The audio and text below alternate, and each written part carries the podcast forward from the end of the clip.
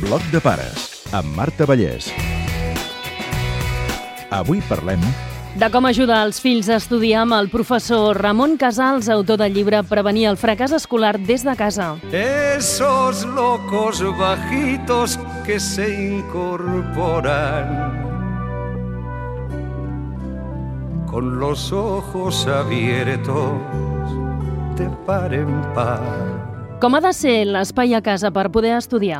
Ha de ser un lloc tranquil. Hem d'allunyar les distraccions. Hi ha estones d'estudiar que necessitarem internet, però hi ha estones d'estudiar que no hem de tenir internet, ni accés a Facebook, ni accés a res. Has d'estar tu amb els teus pensaments, les teves cabòries d'allò que has d'estudiar. El procés d'aprendre es fa dins del cervell, és un procés de maduració, de reflexió, que l'has de fer tu sol. És allò que diem tan antic com la concentració. Concretem una mica més quines són aquestes distraccions. Molts moments que haurem d'estudiar doncs, sense ordinador, tant si és fixe com a portàtil fora, sense telèfons, telèfons apagats, que no hi hagi la possibilitat de que m'arribi un missatge que a les 7 anem a jugar a pilota a la plaça, saber que hi ha una estona que dedico a això, a estudiar, que estigui en bones condicions d'il·luminació, de tranquil·litat, de soroll, tot això bé, i posar-s'hi. Posar Ramon, com aconseguir tenir a ratlla les pantalles? Prement un botó tenim mils de coses que ja ens ocupen la vista i els dits, i això s'ha de portar amb, amb molta mesura. Soc partidari doncs, d'aquestes coses s'han de regular molt bé. Totes les tecnologies aquestes que arriben a casa, des de la tele, la, la, la informàtica, la internet, els Facebooks, els jocs, tot això, ha de ser un menú tancat, que està pactat i que el seu ús és un menú tancat, no és un bufet lliure, perquè el bufet lliure porta un empatx. Els deures de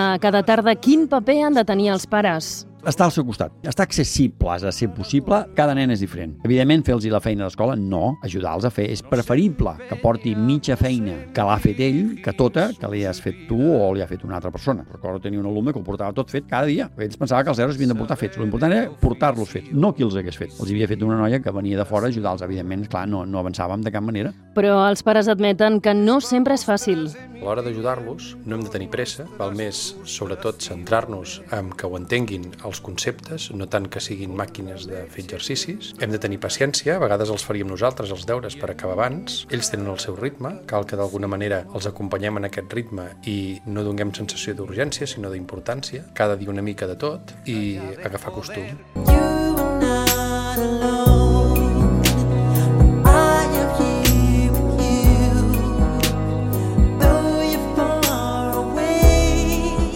Un punt important a tenir en compte cal treballar la comunicació entre pares i fills que sempre sàpiguen que hi poden comptar, que som allà.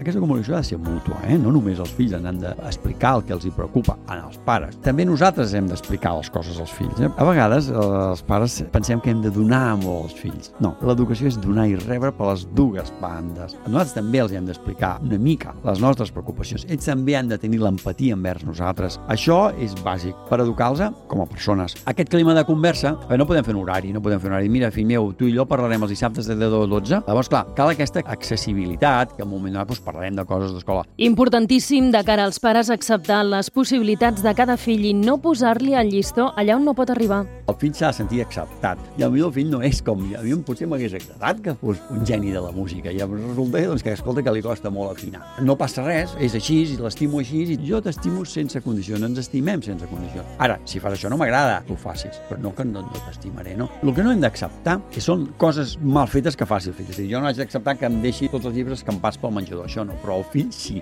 Davant un suspens, què fem? s'ha d'agafar amb naturalitat, no amb desànim. A veure, és un petit fracàs en el sentit de que he treballat per una cosa i no m'ha sortit bé. Aprendre a encaixar aquests fracassos és molt important per l'educació d'una persona. A la vida, això serà el pa de cada dia. Ens hem presentat 25 en una feina i n'han agafat a 3. M'he anat a l'examen de conduir i m'han suspès 3 vegades. I hem de perseverar amb les coses i acceptar. Aquesta vegada no m'ha sortit bé, intentaré fer-ho millor i la pròxima ho provaré. O sigui, amb aquest esperit positiu. Això els pares ho han de tenir clar per evitar retrets davant un insuficient. Més enllà de pensar en sentit negatiu, penso que és bo pensar en oportunitat de fer-ho millor la propera vegada. Si ells et fa soci d'ells, els acompanyes, t'involucres i els ajudes, segurament entendran aquest repte com una oportunitat, no com un problema, i alhora també servirà perquè entenguin que hi ha que millorar.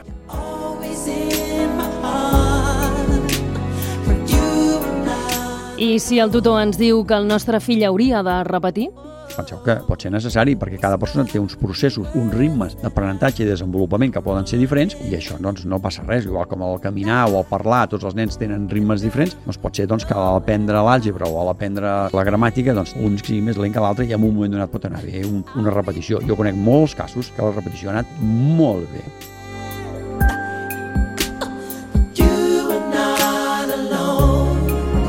Les notes no són tan importants. Fixa que us ho diu un professor de matemàtiques. Les notes no són tan importants. El que és important és l'actitud, el treball, el ser responsable. Evidentment, amb el mateix treball, un traurà un 10 i l'altre potser traurà un 4. Acabarà traient un 5, treballant. Però no passa res. Està on ha d'estar. Que ell s'esforci i arribi on t'arribi.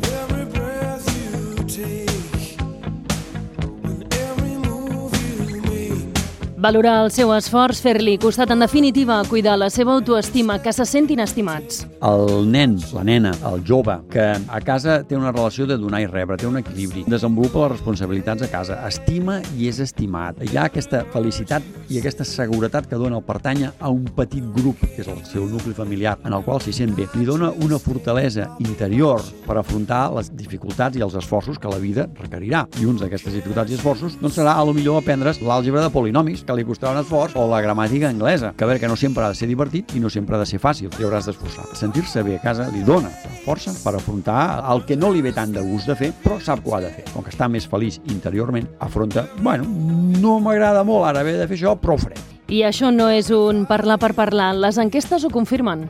Riure amb la mare, riure amb el pare, jugar amb la mare, jugar amb el pare, menjar junts amb el pare, fer qualsevol d'aquestes coses. El pare em fa abraçades i petons. En totes hem trobat els que riuen més amb la mare, el grup que riuen més amb la mare, els hi agrada més l'escola que els que riuen bastant amb la mare i aquests els hi agrada més l'escola que els que riuen poc amb la mare. Són de xifres estadístiques, eh? L'escola és un planeta tot ple de nens i nenes.